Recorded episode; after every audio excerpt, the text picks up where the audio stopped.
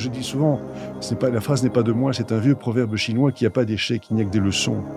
Euh, les échecs, en fait, c'est la meilleure manière d'apprendre. Et, savoir qui on est euh, vraiment, quels sont nos points forts, euh, qu'est-ce qui nous illumine, qu'est-ce qui nous éclaire, qui nous fait sourire, qui nous donne de l'enthousiasme. En général, ça se fait par élimination.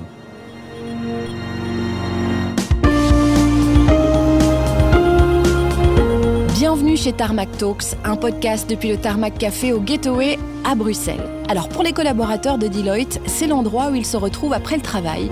Et ils ont de la chance, ils ont le regard tourné vers Brussels Airport où ils peuvent voir atterrir et décoller les avions. Dans ce podcast, le CEO Pete Van Den et moi-même, Sarah Rodriguez, recevons un invité pour une conversation inspirante.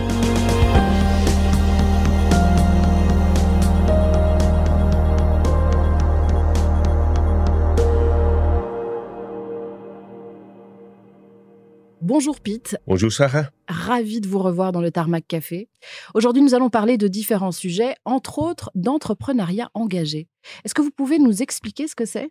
Bah, Quand on parle d'entrepreneuriat euh, engagé, de purpose, comme on l'appelle, euh, c'est le fait de réaliser non seulement un impact euh, économique, mais aussi avoir un impact sociétal à travers de son entreprise. Donc, on, on crée en fait cet impact pour toutes les parties prenantes, les clients, mais aussi les employés et la communauté euh, en général.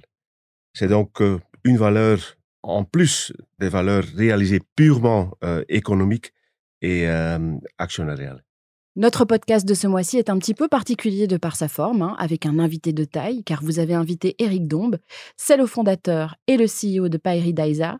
Pete, pourquoi avez-vous invité Eric Dombe j'ai euh, rencontré Eric il y a deux, trois ans. On a organisé euh, un comité de direction euh, à Paris Daisa et à ce moment-là, on, s'est croisés. Eric a, fait son, histoire à notre leadership meeting. Tout le monde était tellement impressionné par, par son histoire que voilà, j'ai pensé d'inviter Eric. Il est tellement engagé, passionné et, et son récit nous a, nous a vraiment inspiré. C'est pour ça que j'ai décidé d'inviter Eric ici. Euh, donc, c'est avec un grand plaisir, Eric, de, vous accueillir ici à notre Talma Café. Et euh, voilà, je, euh, je vous laisse la parole pour raconter votre, votre histoire. Oui, bonjour, bonjour Pete. Merci de m'avoir invité à ce, partage. En fait, je suis né deux fois. Je suis né, comme tout le monde, biologiquement, fin 1960 mais je suis surtout né 32 ans plus tard, quand j'ai découvert un lieu extraordinaire, une ancienne abbaye cistercienne qui m'a donné l'impression qu'elle m'attendait, tout, simplement. Et donc, j'ai mis en fait 32 ans pour comprendre non seulement ce que je voulais faire de ma vie, mais surtout ce que je ne voulais pas faire de ma vie. Et donc, euh, permettez-moi ici de, communiquer un message qui me semble important vis-à-vis de toutes celles et ceux euh, euh, qui s'angoissent parce que à 20, 25 ans, ils ne savent pas très très bien dans quelle direction aller. Moi, j'ai attendu 30 ans avant de savoir ce que j'avais envie de faire de ma vie. Et je pense avoir comblé ce retard assez rapidement ensuite. Ces 32 premières années, bon, ça d'abord, bien entendu, été les premiers apprentissages de l'école, euh, l'adolescence. Euh, en fait, je n'ai pas cessé de fermer des portes. finalement, on apprend qui on est en, découvrant ce qu'on n'est pas ou ce qu'on n'a pas envie d'être, où on ne sent pas finalement son potentiel euh, de résonance avec ce que l'on est vraiment. Je voulais être chirurgien comme mon père. Papa était un grand chirurgien. Je rêvais de faire le même métier que lui. Et à la fin de l'aréto, il savait que depuis des années, je disais, papa, j'ai envie de faire comme toi, c'est le plus beau métier du monde. Et il m'a dit, écoute Eric, j'ai une chose importante à te dire. Euh, je te l'ai jamais dit jusqu'à présent, mais voilà, tu peux pas faire le même métier que moi. Tu vas tuer tous tes patients. Euh, je t'adore, je te suis depuis que tu es tout petit. Tu es extrêmement maladroit. Euh, il faut être très doué de ses mains. Il faut bien pouvoir synchroniser ses mouvements. Il faut que la vitesse de communication entre le cerveau et la main droite soit extrêmement fluide. Tu as des problèmes de synchronisation. Tu es tu, es gauche, euh, tu, vas, vraiment faire beaucoup de, victimes. Et euh, c'était ma première leçon, euh, la première porte que j'ai dû refermer avec fracas. Et, donc, j'ai fait des études qui étaient probablement les études les plus généralistes, celles qui offrent le plus de possibilités possibles. J'ai fait des études de droit, cinq ans de droit. J'étais avocat et j'étais un mauvais avocat parce que fondamentalement, j'avais pas la passion de ce métier. Donc, c'était la deuxième porte euh, qui s'est refermée. J'aime bien parler de, mes échecs parce que souvent, je trouve que les gens qui ont plus ou moins réussi quelque chose, si vous voulez, euh, réécrivent un peu leur histoire en expliquant pourquoi ça ne devait que marcher, qu'ils avaient toutes les qualités du monde. En fait, c'était pas du tout mon cas. Et je pense que c'est important. C'est important, sinon mon témoignage n'a aucune importance, n'a aucune valeur, euh, d'expliquer comment les choses se passent dans la vraie vie et qu'il ne faut pas être particulièrement doué pour démarrer quelque chose qui peut-être peut avoir de l'importance à un moment euh, donné. Donc, c'est ce, stage d'avocat que j'ai quand même terminé a été euh, euh, un véritable véritable échec. Puis je suis entré dans un cabinet d'audit. C'était mon troisième échec parce que très très vite en fait je me suis rendu compte que je n'avais pas la rigueur nécessaire, le, devoir de précision, euh, de méticulosité pour euh, euh, être excellent dans le métier de, conseiller. C'était, plutôt l'aspect fiscal, donc j'étais dans le département fiscal. alors les entreprises qui, d'audit et de fiscalité de ce type sont des entreprises qui ont beaucoup d'élégance. En général, on ne te met pas dehors, on te fait comprendre, si tu restes toujours dans le même bureau, que peut-être ta place n'est pas là. Ça a été mon troisième échec. Un, autre... que vous avez appris de ces échecs, hein, en fait Mais en fait, j'ai appris de plus en plus qui j'étais vraiment. Je dis souvent, ce n'est pas, la phrase n'est pas de moi, c'est un vieux proverbe chinois qui n'y a pas d'échecs, il n'y a que des leçons. Euh, les échecs, en fait, c'est la meilleure manière d'apprendre. Et, savoir qui on est euh, vraiment, quels sont nos points forts, euh, qu'est-ce qui nous illumine, qu'est-ce qui nous éclaire, qui nous fait sourire, qui nous donne de l'enthousiasme. En général, ça se fait par élimination. Donc finalement, c'est un l'échec est un processus excellent euh, et autant qu'il s'accumule assez vite pour savoir ce qu'on a réellement envie de faire de, de sa vie. Je pense que rien n'est pire que d'être moyennement bon. Moi, j'étais franchement mauvais, en fait, dans tout ce que j'avais fait jusque, jusque-là. Euh, et puis, à un moment, euh, j'ai, créé une petite société qui était chargée de donner des conseils à des petits patrons. Et vous savez euh, qu'en fait, l'économie belge, c'est essentiellement des entreprises de 8 à 11 personnes. Donc, c'est des, petits patrons représentent l'essentiel de l'économie. Ce sont des personnes qui sont pas accompagnées euh, au niveau juridique, fiscal, euh, n'ont pas les moyens de faire appel, je dirais, à des consultants de haut niveau. Ces gens sont très courageux et ils ont le nez sur le guidon, comme, comme on dit. Et moi, j'étais un peu, si vous voulez, l'homme à tout faire.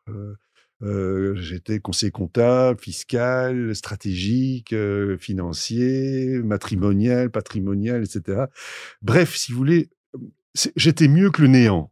Et comme j'avais quelques bases euh, juridiques et, comptables, je pense que j'ai donné de bons conseils à ces entreprises. Et là, soudain, j'ai vu en face de moi des gens qui avaient une vie beaucoup plus intéressante que la mienne, parce qu'en fait, ils se réalisaient dans une entreprise qu'ils avaient créée ou qu'ils avaient reprise et qu'ils essayaient de, développer.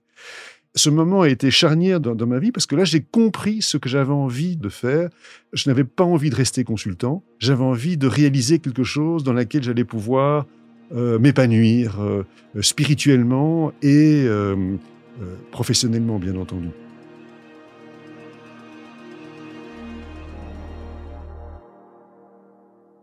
Alors cette entreprise, en fait, a été un, vrai succès professionnel.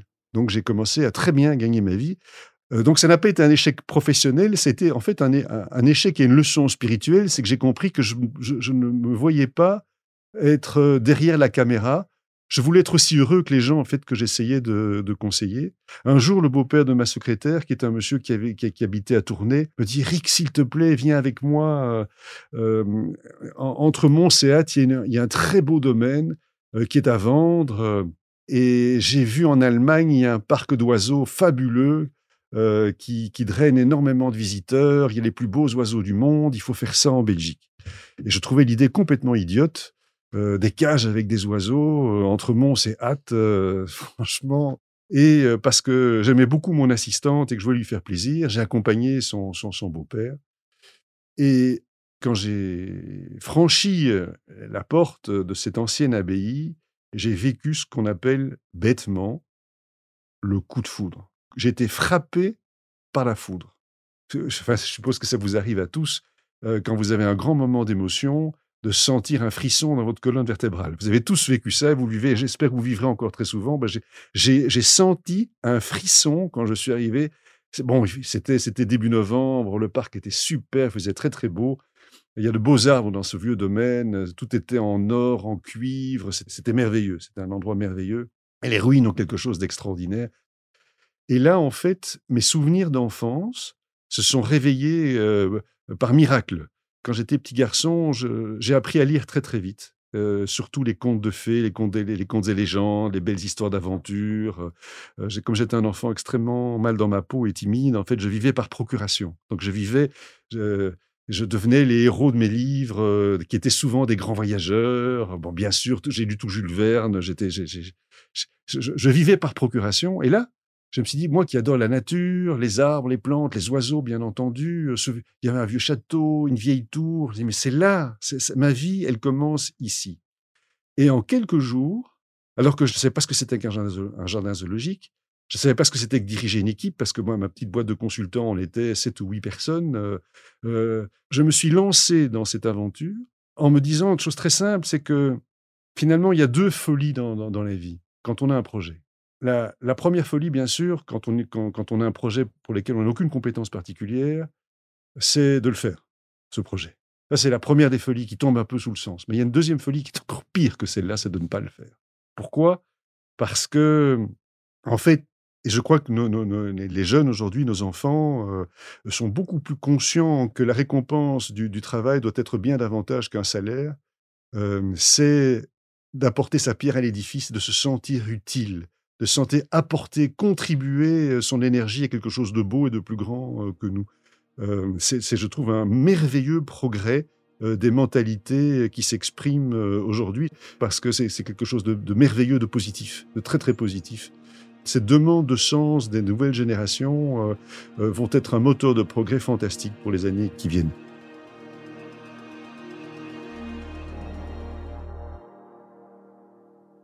Alors je reviens donc à, cette journée de novembre.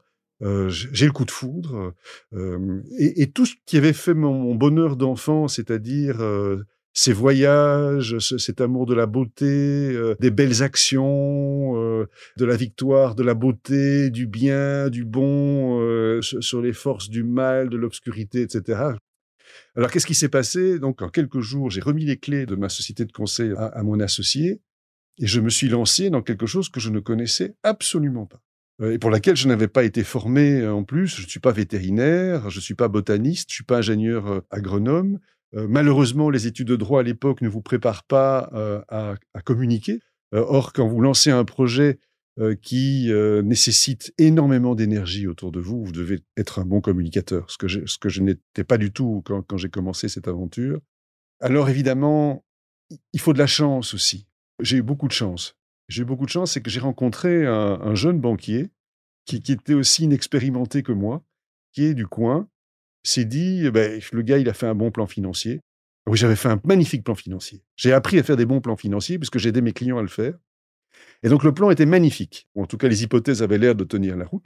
Donc, sur le plan théorique, ce dossier était parfait. Donc, euh, euh, j'arrive à le convaincre fin octobre 1993. Euh, On n'avait que quelques mois pour construire ce parc puisqu'on voulait absolument avoir les écoles, et les écoles, comme vous le savez, viennent après les vacances de Pâques, essentiellement en mai et juin, donc j'avais quelques mois pour ouvrir ce parc. Et l'hiver 93-94 a été l'hiver le plus pluvieux qu'on ait euh, connu, ce qui fait que on a dû utiliser deux fois plus d'engins de chantier pour créer en fait les premières volières euh, de Paradisio, parce que ça s'appelait Paradisio euh, à l'époque. Et donc, on a eu des dépassements de budget de plusieurs je crois que c'était 80 millions de francs belges, donc 2 millions d'euros. À l'époque, on avait déjà juste de quoi réaliser le, projet, théorique. Et donc, cette ouverture a été une catastrophe. C'était une catastrophe. Le parc n'était pas prêt au moment où on a ouvert. En vérité, c'était un exploit. Être arrivé à avoir ouvert ce parc, même dans l'état où il est, c'était juste impensable avec le peu de moyens que nous avions. Mais le parc ne ressemblait à rien. C'était une catastrophe. Et donc, comme on avait absolument besoin de sous pour pouvoir payer nos soigneurs, nos jardiniers et nous donner à manger à nos oiseaux, on faisait payer la première entrée, on n'avait pas le choix, mais on donnait une deuxième entrée pour permettre aux gens de, revenir. Et, donc cette année a été vraiment difficile. Tous les soirs, quand je rentrais à la maison, en larmes, j'ai aucune honte à le dire, j'étais, je rentrais en pleurs à la maison parce que tous ces gens qui m'avaient fait confiance, je me sentais vraiment une nullité totale d'avoir quelque part, à l'insu de mon plein gré, trompé toutes ces braves personnes, à commencer par les membres de ma famille, en leur faisant miroiter un rêve que j'étais pas capable de transformer en réalité. Donc j'étais profondément malheureux, moins le fait d'avoir perdu tout ce que j'avais mis dedans, que d'avoir fondamentalement déçu ceux qui m'avaient fait confiance, parce que la confiance, c'est la mère de tout. C'est la chose la plus importante. C'est essentiel dans l'amour, c'est essentiel dans la relation d'amitié, c'est essentiel dans la relation professionnelle. La confiance, c'est la condition de tout. Et cette confiance, j'étais en train de, la perdre. Et comme évidemment, je n'avais personne à qui me confier, puisque j'étais seul à la barre de ce projet, je devais tout garder sur moi, donc je rentrais tous les soirs en larmes. Et en fait, je faisais un rêve éveillé qui était de me trouver dans le désert, comme dans les mille et nuits, et de frapper à un moment par hasard une, gourde en verre euh, dans laquelle se trouvait un génie. Hein. C'est comme ça dans les contes euh, orientaux. Et en général, le génie vous dit, tu peux exaucer un vœu. Et c'est clair que si j'avais eu la chance de tomber sur ce génie-là, je lui aurais dit, écoute, je t'en prie, remets-moi deux ans en arrière. Et donc, quand on me demande, Eric, est-ce qu'il y a eu des moments de doute? Oui, j'ai eu des moments de doute. Il y a des moments où j'aurais rêvé, j'aurais tout donné pour ne plus faire ce que je faisais, parce que je sentais qu'on était mort, que ça n'allait jamais réussir. Et en fait, ce qui s'est passé, c'est que je n'ai pas eu la possibilité de pouvoir faire ce vœu. Et donc, je me suis dit, je n'ai pas d'autre choix que de survivre.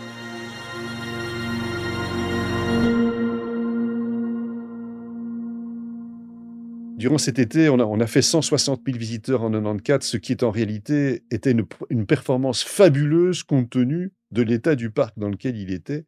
Et j'avais fait un petit carton parce que c'est pas parce que j'étais pas fier de ce que nous avions fait qu'en plus je voulais pas savoir ce que les gens pensaient. J'ai beaucoup de défauts, mais je, pense être quelqu'un de d'honnête et, si je fais mal les choses, j'aime bien savoir jusqu'à quel point je les fais mal. Et donc, on a fait ce carton, le paradis n'est pas parfait, aidez-nous à ce qu'il le devienne. Et alors, on posait un certain nombre de questions aux gens pour, leur, demander ce que l'on devait améliorer ou ce qui était vraiment trop moche, etc. Neuf personnes sur dix 9 personnes sur 10 qui m'ont répondu en 94 me disaient écoutez, on voit où vous voulez aller, on reviendra l'année prochaine. Ne perdez pas courage. 9 personnes sur 10. Comme quoi, la majorité silencieuse, ce sont des gens formidables. La majorité des gens est fantastique. Elles sont de bonne volonté.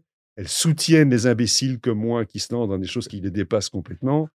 Et ça, ça m'a un peu sauvé de voir tous ces témoignages de sympathie, de gentillesse qui disent ne lâchez pas prise, on viendra l'année prochaine. Ils sont venus l'année. Donc évidemment, la première année, catastrophe. J'ai réuni tous mes fournisseurs, j'ai réuni mon banquier, j'ai dit écoutez, vous pouvez couper les, robinets, de toute façon, si vous coupez le robinet, vous allez tout perdre.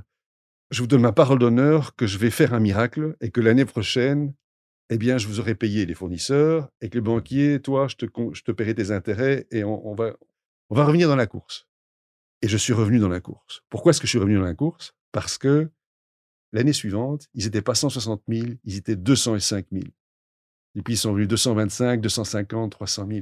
Et progressivement, ce qui était en fait un échec annoncé est devenu, euh, il a été reconnu à trois années de suite le meilleur jardin zoologique d'Europe. Nous sommes de très loin la première attraction touristique de notre pays. Et pourtant, le lieu est très spirituel. Il y a des temples et des lieux sacrés dans ce jardin qui ne sont même pas ouverts au public. C'est juste presque hallucinant pour, pour la plupart des gens qui sont dans mon secteur d'activité de se dire qu'il y a des lieux de spiritualité, de croyance, qui ne sont pas ouverts au public, mais qui donnent de l'âme à notre projet dans un endroit qui est ouvert au grand public. Alors pourquoi est-ce que finalement Peridaisa est devenu euh, euh, le, succès que, nous, connaissons aujourd'hui? Quand je dis succès, je le dis avec beaucoup d'humilité parce que les succès euh, sont toujours provisoires. Enfin, nous ferons en sorte que ça dure le plus longtemps possible. C'est parce que fondamentalement, je pense que mon idée était bonne. Nous avons besoin de beauté comme nous avons besoin de pain. C'est la chose la plus importante dont nous, avons besoin, c'est de pouvoir nous émerveiller devant les beautés de la nature.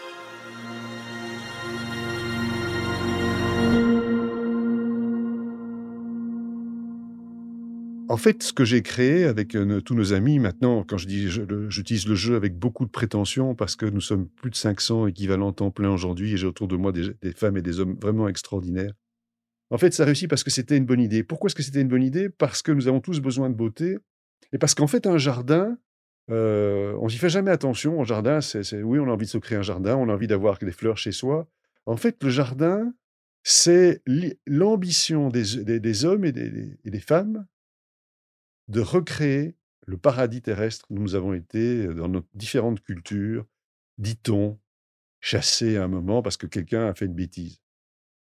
Et donc, nous avons tous cette nostalgie de recréer un monde où tout est ordre et beauté, luxe, calme et, volupté, comme dit le poète.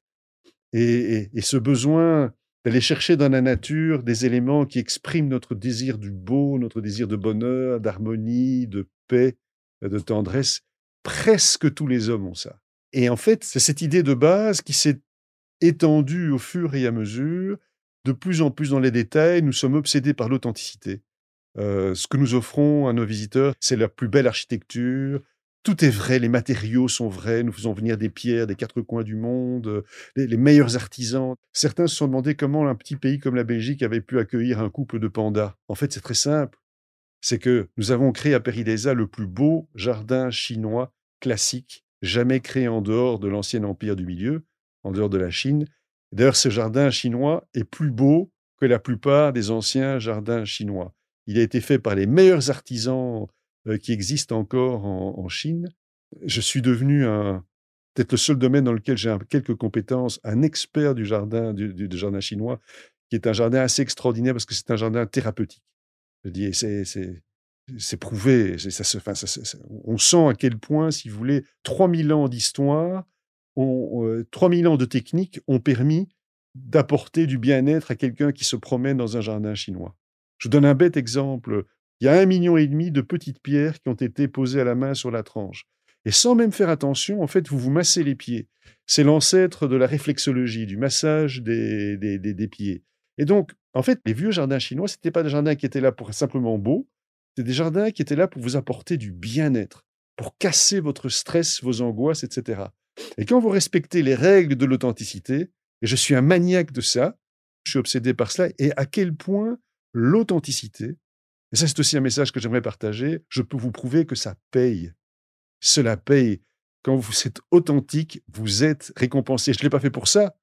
Je l'ai fait simplement parce que j'avais envie d'en bénéficier moi-même de la beauté de ce jardin. Je suis le premier bénéficiaire de ce jardin. Et je fais partager à nos, visiteurs. Et alors, pourquoi est-ce que les pandas Et ça, c'est un peu l'effet papillon. C'est que euh, ce jardin est devenu très connu en Chine. Et le président chinois a appris qu'un petit Belge avait construit un modèle de jardin chinois comme on le faisait il y a cinq siècles. Et donc, euh, euh, ça a facilité euh, considérablement nos, rapports. mon ouverture aux autres cultures a fait que, parce que j'aime les, les gens, que j'aime les voyages, que j'aime découvrir en fait comment fonctionnent les humains un peu partout dans, le monde, quand je suis parti en Chine pour plaider mon dossier pour les pandas, je suis devenu chinois. Ils avaient un frère avec eux bon, évidemment, je parle pas le chinois, mais ils comprenaient que j'étais avec eux. Que, je, que, je, les sentais bien, que je savais comment ils allaient, comment ils allaient réagir. Et donc, en fait, on a eu nos pandas en un an et demi. Euh, un exemple, je crois que les Français ont mis entre 8 et 10 ans pour les, avoir. Ça, si vous voulez, c'est un peu la leçon. Je vais, je vais terminer, euh, si vous me permettez, par cette, cette anecdote qui, je trouve, est intéressante. C'est quand vous faites votre boulot avec passion, eh bien, forcément, vous avez des gens fantastiques qui vous rejoignent et que la passion, c'est communicateur. Et si vous essayez de bien faire les choses, eh bien, vous êtes toujours récompensé. Et donc, pour conclure, sans la moindre expérience, et probablement sans les qualités euh, de départ qu'on est en droit d'attendre de quelqu'un qui va créer un jardin zoologique, une personne passionnée, capable de surmonter euh, ses peurs et de faire partager sa passion, peut arriver avec d'autres à réaliser des choses qui paraissent tout à fait incroyables au départ.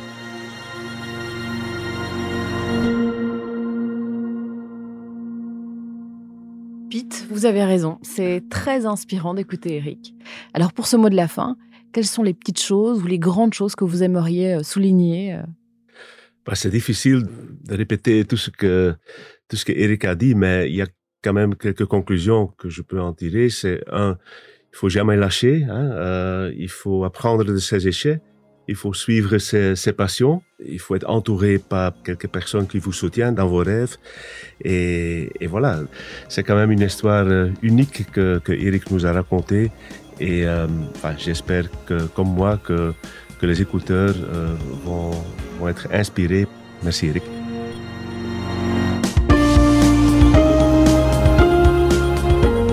Voilà arrivé à la fin de ce Tarmac Talk de Deloitte depuis le Tarmac Café.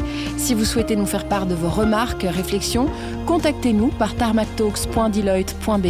Et puis si vous avez aimé ce podcast, eh n'hésitez pas à vous abonner par votre application podcast préférée. Merci d'avoir été des nôtres et à bientôt.